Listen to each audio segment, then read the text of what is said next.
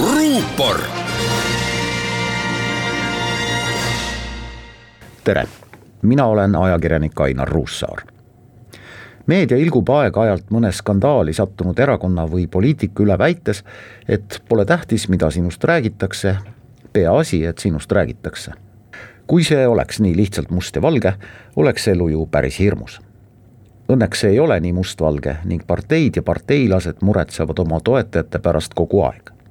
Peavadki muretsema, sest ilma lubadusi jagamata ja otsuseid tegemata pole ka toetajaid. aga seejuures peavad parteide tegemised ka olema, mitte ainult näima läbipaistvad ja demokraatlikud.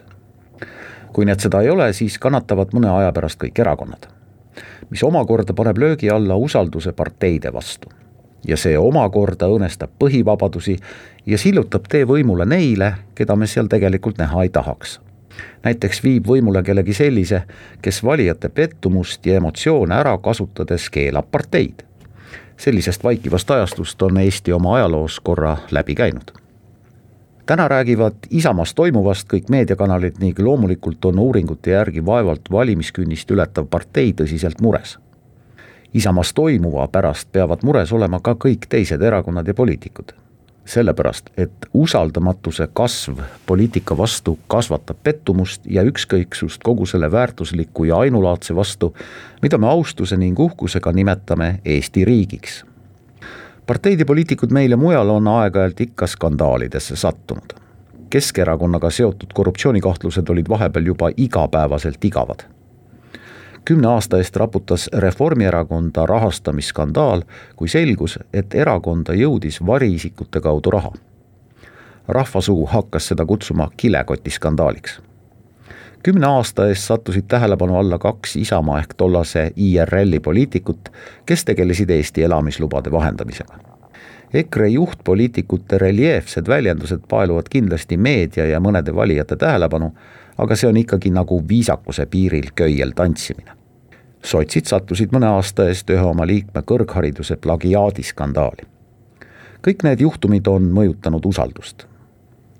valijate umbusk ja erakondade naeruvääristamine puudutab tegelikult meid kõiki.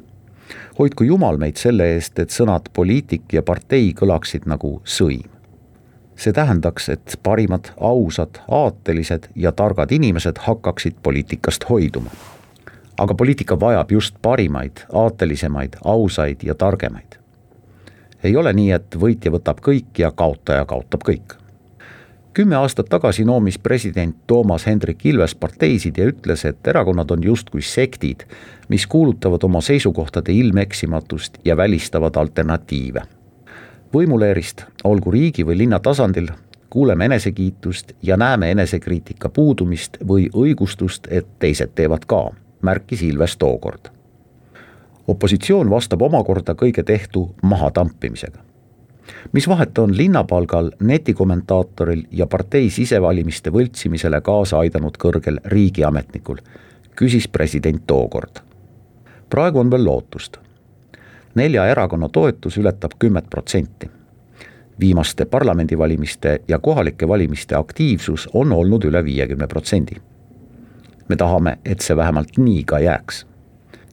konkureerimine nii partei sees kui erakondadel omavahel eeldab asjalikku diskussiooni ja oponentide austamist. vastasel juhul leiame ennast olukorras, kus meil on üks partei, mida toetab viiskümmend protsenti ja valimised, millel osaleb alla kahekümne protsendi inimestest. ruupor